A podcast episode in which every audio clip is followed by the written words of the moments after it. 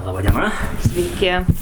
Šiandien kalbinam Aušinę Armonaitę, e, Laisvės partijos vieną iš įkūrėjų ir pasistengsim pratesti mūsų pokalbį apie demografinę situaciją Lietuvoje e, ir ką daryti.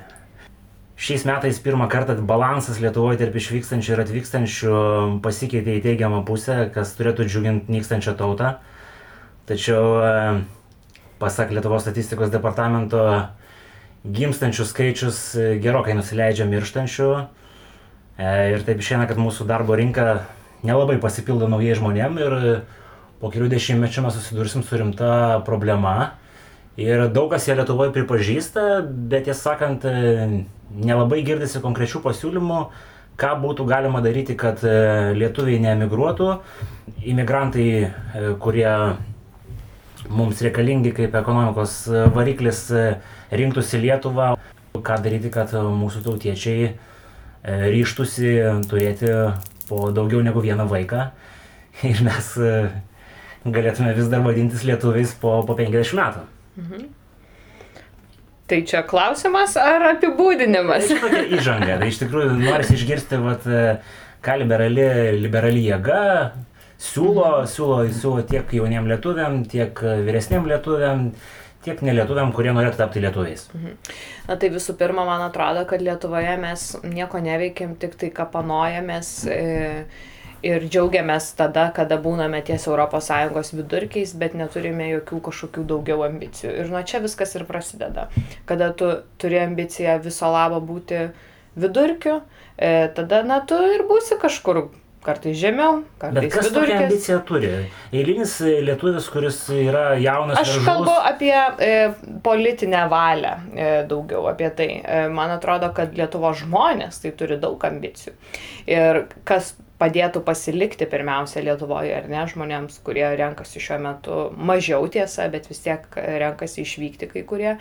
E, tai visų pirma, kad tavo vaikas turėtų gerą mokyklą, kurioje tiek galėtų atsiskleisti jo e, gebėjimai ir talentai, tiek iš jo nebūtų tyčiojamasi. Kad tu pats turėtum darbą, už kurį galėtum susimokėti ne tik paskolą, bet ir galbūt išvykti po atostogauti kažkur. Tai yra labai paprasti dalykai. Bet šiandien mes Lietuvoje kalbam tik tai apie padalyjimą pyrago, tai yra vadinama gerovės valstybė, žodį, kuris patyrė visišką infliaciją, bet ne apie tai, kaip užauginti daugiau to pyrago, e, ne apie augimą. Ir kai mes, na, jeigu mes perverstume visą šitą e, politinę mąstyseną, man atrodo, tada prasidėtų e, geresni dalykai. Toliau. E, apie pritraukimą žmonių. E, žinoma, kad čia šiaip mes apie švietimą e, daug manome, jog tai yra pagrindinis sprendimas, kuris gali padėti mums na, tiek atgal savo žmonės pritraukti, tiek uh, žmonės iš užsienio. Kaip ir paminėjau mokyklas, ar ne, e, tačiau yra ir visai kiti dalykai. Pavyzdys tai būtų, na, uh, persikvalifikavimas daug žmonių neranda darbo, nes tarkime pasikeitė jau aplinkybės, jie turėjo palikti savo senas darbovietės, bet Lietuvoje mes neinvestuojam daug į žmonių treningą, perkvalifikavimą, yra daugiau į subsidijas investuota, tą sako ir įvairios ataskaitos ir Europos komisijos ir OECD rekomendacijos.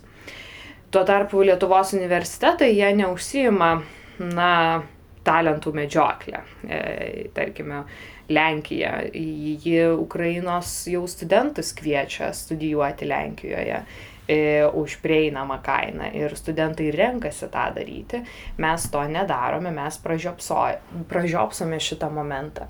Lygiai taip lietuviai gali e, na, finansuoti savo gabiausių Lietuvos moksleivių studijas geriausiose pasaulio universitetuose su sąlyga, kad jie grįž pritaikyti šitų žinių. Tada tai mes turime visą tokį kaip ir paketą pamastymų, neseniai pristatėm ateities ekonomikos planą, kuriame, kuris ir remiasi trim tokiais dalykais. Tai yra žmonėmis, talentais, ar tai būtų lietuviai, ar tai būtų užsieniečiai. E, tada e, augimo darbo atvarkę, tai yra mokestinė ir um, inovacijų aplinka, ir sumanios valstybės um, įrankiais. Gal čia mažiau aktualu emigracijos klausimui, bet tiesiog, kad valstybė būtų valdoma, na, efektyviau ir tvarkingiau. Mhm, tai replikuojant, sakot, Lenkai medžioja, medžioja ukrainiečius, pritraukdami juos į universitetus. Bet mes Lietuvoje turim Baltarusijos universitetą jau kurį laiką ir turim kažkokias paprastintas sąlygas jiem mm. čia mokytis ir, ir dar kažkiek laiko. Tai mes turim tą vieną universitetą, kuris daugiau veikia, na, kaip demokratijos, žmogaus teisų idėjų sklaidos e, universitetas. E, aš siūlau studentus kviesti į visas Lietuvoje veikiančias studijų programas, bet jeigu jos yra netarptautiškos, jeigu jos yra tik lietuvių kalba, tai mažą nieko tu čia nepakviesi. Supratau, nu, e, šitų universiteto klausimą matyti e, nepradėsim šiandien smarkiai narplioti, nes e, pirmiausia, norint kažką pakviesti, matyti reikia reformuoti pačius universitetus, mhm. kad Nu, šiek tiek taip. Aš tai manau, kad Lietuvos universitetus reikia kaip reikiant reformuoti, bet šitiems dalykams, apie kuriuos aš kalbėjau, na, net nereikia labai didelių grandiozinių reformų. Mhm. Man irgi teko būti jūsų šeštadienį pristatymę vizijos Lietuvai. Iš tikrųjų, tos, tos trys, trys pilioriai, ant kurių jūs mm. statot Laisvės partijos viziją, skamba tikrai patraukliai, mm -hmm. tik tai mhm. šiek tiek galbūt... Ten ekonomikos dalis. Ja, buvo. bet galbūt vat, klausimas buvo ten, žodžiu, apie talentus kaip piliorių, po to klausimas apie tai, kaip reikėtų mokestinę politiką. Tai vad kaip reikėtų tą mokestinę politiką tvarkyti, kad kad e, būtų lengviau grįžti lietuviam iš užsienio, kurie jau ten pasisėmė patirties, e, tiesiog nori atidaryti kažkokį verslą. E, tarkim, taip pačioje Anglijoje yra, yra tokie dalykai kaip mokesčių lengvatos jaunam verslui. Esmė, yra visokios tie vadinamieji sandboxai, kurie leidžia developinti kažkokias sritis su paprastintom sąlygom. Pavyzdžiui, Lietuvoje mes turime finteko sandboxą, Bet kas plačiau, kokios dar mintis galėtų pritraukti tiek lietuvius, tiek užsieniečius? Iš esmės, mes kalbame apie ir jūsų įvardintus dalykus ir dar keletą kitų dalykų. Tai pirmas dalykas, ką rodo ir investuotojų, ir veikiančių jau verslų apklausos, kad e, mokesčių tarifai taip, e, jie yra ten svarbus, tačiau daug svarbiau yra e, stabilumas. Jeigu tu vieną kartą ateini ir pradedi surizikuoji, pradedi verslą, o kitais metais jau koks nors Seimo narys grasina, na, apmokestinti tavo ten, nežinau, dešimtim procentų keisti e, mokestinę aplinką, tai yra nestabilu. E, tu negali susiplanuoti jokios veiklos. Ir e, jeigu, na, politinė valdžia toliau, na, psichuos, atsiprašau, aš nerinksiu žodžių, tai mes galim būti kokie norim sandboxai ir fintekai, e, bet e, tai anksčiau ar vėliau pasibaigs. Tai pirmas yra stabilumas. Antras dalykas, apie ką matyt reikia kalbėti, tai apie tai, jog Lietuvoje yra labai daug pradeda, pra, gimstančių verslų. Lietuva yra viena pirmųjų pagal gimstančių verslų skaičių, nes čia tikrai labai lengva užregistruoti įmonę, na, internetu daug ką galima padaryti. Bet mes esame vieni pirmųjų ir pagal mirštančių verslų skaičių. Ir vienas iš dalykų, tai yra, na, aš gal du tokius dalykus matyčiau. Tai pirmas dalykas - nedraugiška mokestinė aplinka. E, mes siūlome trijų metų mokesčių, na, laisvę nuo mokesčių e, ir nuo prievalės mokėti mokesčius, bet mums dar reikia na, gerai susidėlioti, apie kokius mokesčius mes kalbame. Aš norėčiau kalbėti apie viską, tai yra ir apie sodros mokesčius, nes pelno, kaip žinome, pradedantieji verslai neuždirba. Ir tai, kad tu padarysi pelno mokesčio lengvatą pradedančiam verslui, kaip yra dabar, na ačiū, bet tai nieko nereiškia. Lygiai taip pat jokie startupai neuždirba pelno daugybę, iš tikrųjų, ne tik, tris savo veiklos metus, bet net ir daugiau metų. Tai mes norim kalbėti apie ambicingesnę e, laisvę nuo mokesčių pirmosius trejus veiklos metus. Antras dalykas tai yra draugiška verslo priežiūra. E, jinai yra reformuota 2012-2011 metais kada tikrintojai, kurie tikrina verslą, na, kad jie vis dėlto neteitų ir kojomis durų netidarinėtų, kišių neprašytų ir nesakytų, žinote, čia pas jūs netaip žaliusias pakabintos, jos gali pas jūs ant galvos užkrist, prašom 50 eurų. Tai taip negali būti. E, ir verslo priežiūra yra labai labai didelis paketas, nes vis dar yra apie keliasdešimt įstaigų, kurios reguliuoja verslą. Kai kam pasiseka labiau, kai kam pasiseka mažiau, žiūrint su kokiais kontrolieriais tu susiduri, bet šitas rytis vis dar reikalauja reformos. Tai čia, ką aš kalbu, čia yra hygiena, stabilumas, mažesni mokesčiai pradedančiam verslui ir verslo reguliavimas.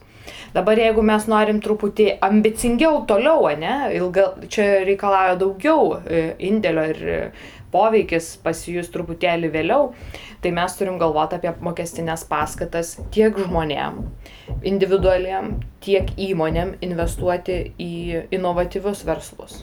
Jeigu tu turi kažkokią gyventojų pajamų mokesčio lengvatą, tu galbūt na, savo sutaupytus pinigus investuosi į kažkokią inovaciją ir taip prisidėsi prie na, aukštos pridėtinės vertės produktų gaminimo. Mes apie tai turim galvoti. Nu, pagal santopos lietuvių, lietuviai nepasižymė Europoje kaip tauta, kuri turi daug santopų ir aplamai investavimas e, po sovietinė erdvėje nėra tarp populiariausių kaupimo. Taip, reikia tą pakeisti. Tai ar, ar valstybė galėtų tasme kažkaip inicijuoti tą, tą kaitą, nes aš kaip suprantu, liberalios demokratijos sąlygom, tas pats pilietis e, rūpinasi savo. Tai savo aš gerbūvį. dar kartą sakau, jeigu tu žinai, kad tau reikės mažiau sumokėti mokesčių ir tuos pinigus e, skirsi, na, ne ten kažkokiam mistiniam dalykui, nes žmonės dažnai nežino, kur eina jų sumokėti mokesčiai, o labai kon konkrečioms investicijoms į inovacijas, pat, tarkime, tu gerai žinai, kad bus pagamintas kažkoks semikonduktorius ar dar kažkas, ar ne. E, tai yra visai kitaip, tai mums reikia keisti, tai mes negalim sėdėti ir linguoti ir sakyti, pas mus niekas netaupo, ar pas mus niekas neinvestuoja, pas mus nesiskaitoma su žmogaus teisėm. Tai atsiprašau, tai tam politikai ir yra skirti, kad jie parodytų kryptį, na, kaip mes vis dėlto keisimės. E, visiškai pritariu, kad tam politikai ir skirti tiesiog e, e, yra tam tikra kultūra politinė ir ne tik politinė šalies ir, ir jinai, matyt, nėra tas dalykas, kuris labai greitai pakinta. Tai va čia ir yra tasme, tas esminis klausimas, kokios tos stimuliavimo priemonės galėtų keisti, tasme, pirmiausia, tai žmogaus mąstymą, kad jis galėtų pradėti uh, įtakoti politikus, e, spausti juos, e, ką būtų galima čia padaryti? Nu, tai žmonėms reikia rezultato, jiems reikia rezultatų politikos. Jeigu jie pamatys, kad e, vieni ar kiti sprendimai duoda vaisių, jie ir, na, kaip jūs sakote, ir pradės kontroliuoti politikus, o net virkščiai politikai kontroliuoja žmonės, kaip pas mus yra. Kitas dalykas, kitas dalykas, matyt, būtų, kuriuo norėčiau pakalbėti, E, tai šeimos situacija Lietuvoje ir tas metai, kad mes e, Lietuvoje turim po, na, čia ne tik Lietuvos problema, čia yra vakarų Europos problema, mm. vienas kabliukas keli vaiko, ar, mm. ar čia galima kažką pakeisti, kad lietuviai norėtų turėti daugiau vaikų ir Na, matot, čia gal aš iš tikrųjų nesu iš tų politikų, kurie nori aiškinti žmonėms, kiek jie turi turėti vaikų. Yra daugybė kitų politikų Seime, kurie m, mm, turi visokių pasiūlymų.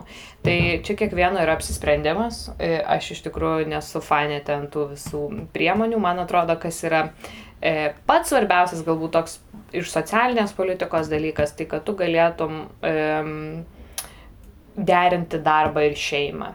E, aš nemanau, kad, tarkime, mes dabar turim trijų metų motinystės atostogas, mhm. motinystės tėvystės atostogas ir kiti sakytų, kad o, kaip draugiška. Tačiau, kai tu pasižiūri rezultatus, kiek žmonių iškrenta iš darbo rinkos ir po to, kaip jie prastai jaučiasi, kad atgal neįeina, tai, tai yra problema. Dėl to aš būčiau uh, už tokius, lankst, na, galbūt lankstesnius darbo santykius, kada tu gali suderinti savo darbą su šeima. Uh, kad galėtum ir auginti vaiką, ir dirbti, tačiau už trumpesnės e, tas tėvystės, motinystės atostogas. Bet šiaip, tai mes turim vaiko pinigus, kurie, man atrodo, yra labai neracionali priemonė, pusę milijardo yra skiriama šitai priemoniai, tai jas gauna ir turtingi tėvai, ir nepasiturintys. Man atrodo, kad jeigu norim skurdą mažinti taikliai, tai reikia kažkaip nepasiturintiems daugiau padėti negu pasiturintiems. Tai aš nematau, kad tai yra efektyvi priemonė. Ir, bet grįšiu nuo, nuo to, nuo ko pradėjau, aš nesu iš tų, kurie mano, kad politikai kažkaip turėtų šiaip informuoti, e, kiek kas turi turėti vaikų, kiek kas nori, tegu turi. Pritarčiau, kad čia yra, matyt, liberalus požiūris. Kitas klausimas tada būtų grįžtant grįžtant prie tos demografinės situacijos, politikai neturėtų, sakot, daryti kažkokios tai, esame, pozicijos formuoti kažkokios apie, apie šeimos e, dydį. Nu, apie darbą, apie darbą aš daugiau sakyčiau, kad žmonės galėtų skirti ir savo vaikams laiko ir tuo pačiu galėtų ir profesiškai tobulėti ir dirbti ir užsidirbti, bet čia man atrodo, ir čia yra ateitis, čia e, dabar tai yra aktualu, bet ir šiaip, nu, tai yra ateitis, apie tai suksis viskas. Ir, na, Danai, man atrodo, neblogai yra tą išsisprendę su flexicurity e, dalykais mes irgi galim pabandyti. Bet aš supratau, kad klausimas yra apie e, mažėjant čia bai mažėjantį lietuvių skaičių. Tai, Gal ne tiek lietuvių, kiek pačios Lietuvos, Lietuvos skaičius mažėja. Nu tai aš manau, kad mes, kaip ir sakiau, apie švietimą reikia kalbėti, apie e, daugiau galimybių tiems verslams išgyventi, kad tu jeigu susikuri darbo vietą ar ne, kad e, ir turėtum ją, o ne užsilenktumai po dviejų metų. Dėl darbo vietos. Lietuvoje yra toks gajus požiūris, kad e, vat, yra darbo vieta ir jinai yra garantuota ir toks, sakyčiau, posovietinis mąstymas, ypatingai biurokratiniam sektoriu. Vat, ką Jūs galvojate apie mūsų mūsų valstybinį sektorių ir kiek žmonių dirbanti proporcionaliai su privačiu sektoriumi. Mm. Ar čia ką nors būtų galima? Mes truputį kalbam tam ateities ekonomikos plane apie viešojo sektoriaus um, pertvarką. Manau, kad reikėtų pereiti prie, um, nuo karjeros prie postų modelio. Tai yra um, valstybės tarnyba, jinai turi būti grista na, kažkokiais labai aiškiais rezultatais ir projektais. Tarkime, yra užduotis, prie kurios dirba grupė valstybės tarnautojų, jinai pasibaigia ir na, kažkas eina prie kitos, kažkas galbūt e, turi atsisveikinti su projektu ir eiti kitur kitų iššūkių ieškoti. Tai aš suprantu, kad skamba taip žiaurokai gal, e, bet e, valstybės tarnyba, na, jinai negali būti kažkokia atskira kasta. Aš vis palaikyčiau e, tą reformą, tą kryptį, kad valstybės tarnyba būtų, na, pagal darbo kodeksą būtų dirbama, ne pagal kažkokį atskirą ar ne karjeros modelį. Žinau, kad tai yra nepopuliaru, e, tai yra labai sunku įgyvendinti, nes yra pasipriešinimas didelis. Galima bandyti įgyvendinti kažkokį hybridinį modelį, jeigu jau čia visi taip nepasirengia. E, bet e, ką mes turim padaryti, tai įsivardinti, kad tai yra ta kryptis. Negali tai būti, kad yra, tarkime, žmogus gražinamas į darbo vietą ir jis neturi ką veikti, jis sprendžia kryžiažodį. Tai yra tokių, aš nesakau, kad visi, o naip tol, yra žmonių, kurie dirba labai sunkiai nuo ryto iki vakaro. Ir, ir ačiū jiems už tai. Bet yra, yra visiškai išvaistomi resursai kai kuriuose pozicijose. Tai vad postų modelis, man atrodo, spręstų.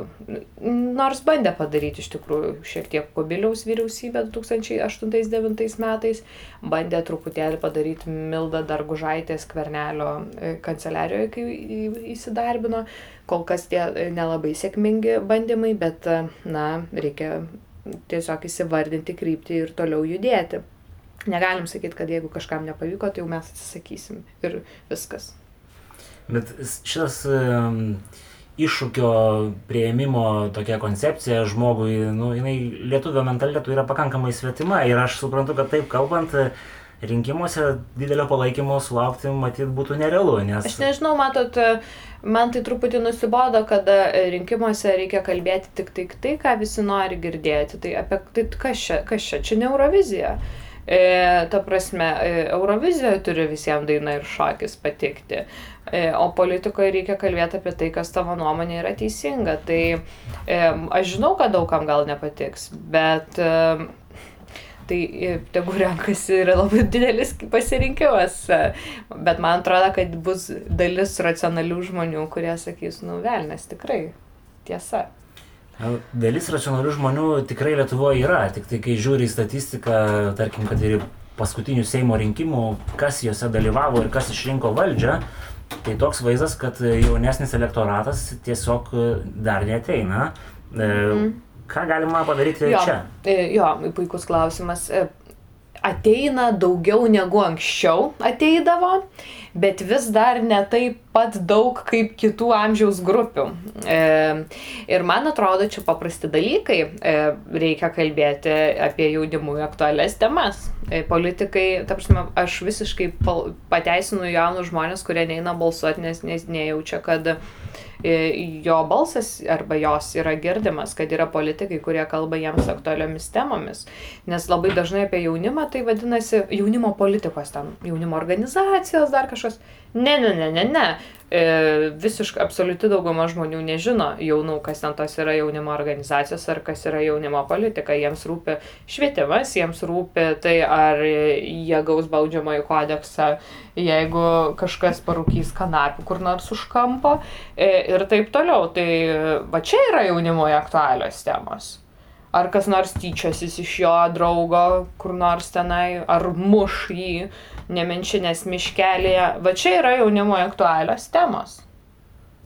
Pasak kai kurių politikų, žmonės iki 30 metų dar neturi gyvenimiškos patirties, kad galėtų spręsti valstybei rūpimus klausimus. Nu, tai aš manau, kad čia yra durnas požiūris, atleiskite. Supratau, at, paminėjot, paminėjot jaunimui aktualią temą narkotinės medžiagas. Ar jūs manot, kad mes turėtume turėti Portugalijos modelį, kai mm. viskas yra legalu ir taip e, kažkaip tai gaivinti. Ten nelegalu, ten dekriminalizuoti. Dekriminalizuoti, taip. Mm -hmm. Ar mums kažkoks konservatyvesnis modelis tiktų Lietuvai? Taip. Um, klausimas yra labai sudėtingas, bet, bet labai įmanoma pakeisti dalykus. Uh, E, dabar ne tik Portugalijoje ir Norvegijoje yra jau e, tos didelės reformos. Yra, yra dvi žmonių grupės, kai kalbam apie narkotikų politiką. Pirma grupė yra žmonių, kurie e, priklausomi nuo narkotinių medžiagų. Tai jiems reikia padėti, jų, jų negalima į kalėjimą sodinti, jiems, juos reikia gydyti. Ir antra grupė žmonių yra ta grupė žmonių, kuri nėra priklausoma, ar dar nėra priklausoma, bet kuri, o, pabandė Ar ne? Ir čia, man atrodo, daug yra nu, jaunimo šitame tarpe. Aš sakyčiau, kad dar ir trečia grupė yra, kurie tai naudoja kaip tam tikrą rekreacinę. Nu, gal jo. Tai aš čia, va, antrą, trečią matyčiau kaip bendrą tokią e, ad hocinis toks vartojimas, ar ne? Nėra kažkoks labai dažnas ar priklausomybinis. Tai įsivaizduokit, jeigu tu esi narkomanas, tai nesvarbu, e, greičiausiai tu ne kanapės rūkai, tu leidėsi arba esi nuo stiprių labai narkotikų priklausomas. Tai čia ir svarbi yra dekriminalizacija, kad nedideli kiekiai be platinimo savo reikmėms, kad jie būtų dekriminalizuoti, kad žmogus būtų nebaudžiamas. O tai čia pirmai grupiai aš manau, kad labai aktualu įgyvendinti Portugalijos modelį, O antrai grupiai tai reikia ko? E, reikia, kad nepilnamečiai prie narkotikų bet kokių ir kanapių ir taip toliau neprieitų. Ir reikia, kad tie, kurie renkasi vartoti kažkokiamis progomis, kad jie vartotų, na, atsakingai ir sureguliuotai, licenzijuotai ir sukontroliuotai. Tai vadinasi, reikia legalizavimo. Tai tiesą suprantu, jūs už tai, kad jeigu jau kas nors vartoja, vartotų produkciją, kuri yra ne iš kažkur tai pakampės, bet e, taip, kuri yra... Tiksliai taip. Supratau. E, minėjote apie tai, kad e, stabilumas galėtų būti tas dalykas tiek pritraukiant, tiek išlaikant žmonės, kad jie žinotų, kas bus kažkokioje perspektyvoje. Bet ar tai yra realu, nes politinės organizacijos ir susitarimas, tas politinė partija ar politinė koalicija, tai yra kažkokiu interesu siekianti grupė ir, ir, ir, ir tai yra pirmiausia tai ir jie stengiasi tuo interesu įtikinti elektoratą. E, kaip galima tas skirtingas grupės susodinti, ta prasme, ir, ir sutarti, kad būtų kažkoks pastovumas? Ar čia nėra naivus mąstymas? Yra visaip, labai sunku tai padaryti, bet įmanoma. Nu, pavyzdžiui, mes turim dėl gynybos susitarimą, ne? Nu, kurių... Turėjom, matyt, nes dabar jau yra manančių, manančių, kad... Bet, ne, bet nėra nei vieno, kuris sako, reikia mažinti. Nu kaip, socialdemokratai, man atrodo, Ne, nepriklauso ne. šitai. Jie, prik, jie, jie sako 2 procentai ir viskas. E, Jie nesako ten 2,5 ar 3, Mhm. kaip kiti. E, Bet e, jie nesako 1,5. Jie nesako mažinti. Ir tai yra jau tam tikras stabilumo pavyzdys, kada tu labai gerai žinai, kur eis pinigai, tie 2 procentai, ar ne, beveik milijardas eurų. E, tai yra krašto gynybą. E, dabar bandome dėl švietimo, kol kas e, nelabai tenais e, šviečiasi daug dalykų, bet tai yra iš dalies, jog yra rinkiminiai metai ir visi nori kažką parodyti. Vyriausybė nori pridengti savo neveiklumą, opozicija, na, tarsi masto panašiai, bet kai pradedam diskutuoti, vėl kažkaip išsiskiriam. Tai matyt, reikia tiesiog išmesti kai kuriuos dalykus, dėl kurio mes nesutarėm ir susidėlioti tuos, dėl kurių sutarėm ir dėl jų susitarti ir kryptingai dėl to eiti. E, Šiaip mes nelabai, aš nenoriu kažkaip Lietuvos čia e, valdžių visų kritikuoti, nes buvo dalykų, dėl kurių mes tikrai susitarėm ir ne tik dėl gynybos, bet ir dėl kai kurių kitų. Man atrodo, tik labai svarbu, mes susitarėm tada, kada visi labai su, na, supranta, kad viskas taip negalima. Tarkime, susitarėm dėl narystės ES, susitarėm dėl narystės NATO, susitarėm dėl gynybos. Ir dabar visi mato, kad, tarkim, švietime reikia pokyčių. Ir aš kažkodėl jaučiu, kad susitarsimės dėl švietimo. Bet ar tikrai mes taip visi susitarėm? Aš prisimenu, kai buvo stojimas į Sąjungą, stojimas į NATO, buvo pakankamai daug e, manančių, pakankamai daug gal nėra skaičius, bet buvo oponuojančių Tai gerai, kad buvo oponuojančių, tai čia demokratinė valstybė, o ne Baltarusija. Taip, bet dabar kai kurie iš tų politikų yra, sakyčiau, pakeitę smarkiai savo pažiūras. Ar tas met čia tiesiog nėra kažkokių interesų tenkinimo, tiesiog ten, esame, įgūdžiai. Ta prasme. Nu, kad e, politikai, kai jau liaudiškai kalbant šikna dega, tada jie gali deklaruoti bet ką, o po to laiko bėgant grįžti į savo, tasme, interesų žaidimą. Nu, nežinau, interesų visada čia yra toj politikoje, bet svarbu nu, susitarti dėl pamatinių dalykų. O ir yra, yra buvę, kada susitarėm, tai aš kažkaip optimistiškai žiūriu. Supratau, tai gerai, tada gal pabaigai Mhm. paklausiu, kitas iš jūsų partijos siekių yra išmani valstybė. Mhm. E, Kada mes e, jūsų manimo sulauksim kažko panašaus kaip į e-pilietybę Estijoje ar galų gale galimybę turėti kelių valstybių pilietybę ir taip, e, ta prasme, jaustis lietuviu, Mhm. E, kada mes e, sulauksim kažkokių kitų pažangių, tasme, Mhm. Nu tai e, nėra taip, kad Lietuva nėra kažkokia nepažangi valstybė jau šiandien. Yra ir, ir e, tarkime, mes ten turime sureguliavę ir bepiloti, bepiločias mašinas, ar ne, kas yra visiškai ateities dalykas. Arba, pavyzdžiui, na, tie E, kai kurie įrankiai irgi Lietuvoje puikiai veikia, mes gal tik taip pasigirti nemokam. E, bet yra dalykų, kurie gali veikti daug geriau ir apskritai mes galime, na, būti pirmieji pasaulyje. Tai yra daug, daug kas mane ir sakė, kad, vat, nereikia popierių įstaigose. Bet mes vis dar turim daug popierių ir čia Seime, ir vyriausybė, ir savivaldybėse, ir kitur. Tai mes siūlome, na, viskas atsisakyti, taigi viską galima e, e, elektroniniu būdu padaryti. Parašai yra, viskas yra, nežinau, kodėl Lietuva tiesiog nepaima ir nepasako, viskas su popieriumi baigta, ar ne? Antras dalykas tai yra e, na, visas ūkio, visa pertvarka, tai, ką, ką šiuo metu valdo valstybė. Yra labai daug turto. E, Berots portfelius turėčiau paskaičiuoti 2,5 milijardo gal eurų. E, ne, nesakau, kad nieko, viso to nereikia, bet dalies tikrai galima atsisakyti. Dalies, dalį valstybės įmonių ne tik reformuoti reikia, bet ir parduoti. E, apie tai reikia kalbėti. Čia antras di- didelis, didelis blokas, ar ne, e, reformos. Na ir Trečias dalykas tai yra visi tie e, elektroniniai įrankiai ambicingumas, ar ne? Jeigu nulis popierių, tai čia hygiena, aš sakyčiau. Tačiau štai va estai ką padarė, atidarė elektroninę ambasadą Luksemburgė, ar ne pavyzdys, arba e, reguliuoja dirbtinio intelekto atsakomybę, koks asmuo bus atsakingas už dirbtinį intelektą, tas mašina, ar žmogus, ar kuriejas, ar valdytojas, kas. Tai jie tokius dalykus sprendžia, o mes čia Seime e, sprendžiame, kas buvo 2006 metais kažkur kažką, kažkas kažkaip.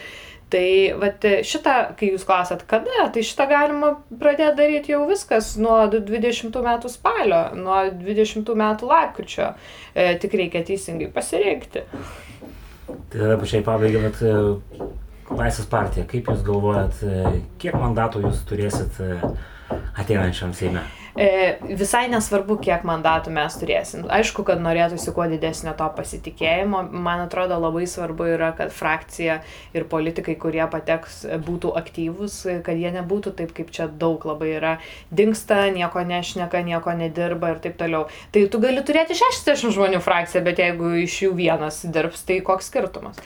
Tai aš norėčiau, kad na, ta frakcija būtų liberali, idėjinė, ne bendraminčių e, komanda, kad ji būtų aktyvi Ir aišku, labai svarbu, nu, norėtųsi prie tų pokyčių Lietuvoje prisidėti aktyviai, ne ten iš kažkaip e, reaktyviai, bet jau proaktyviai, e, formuojant tuos sprendimus. Supratau, tai labai dėkui už skirtą laiką. Ačiū Jums. Dėkui.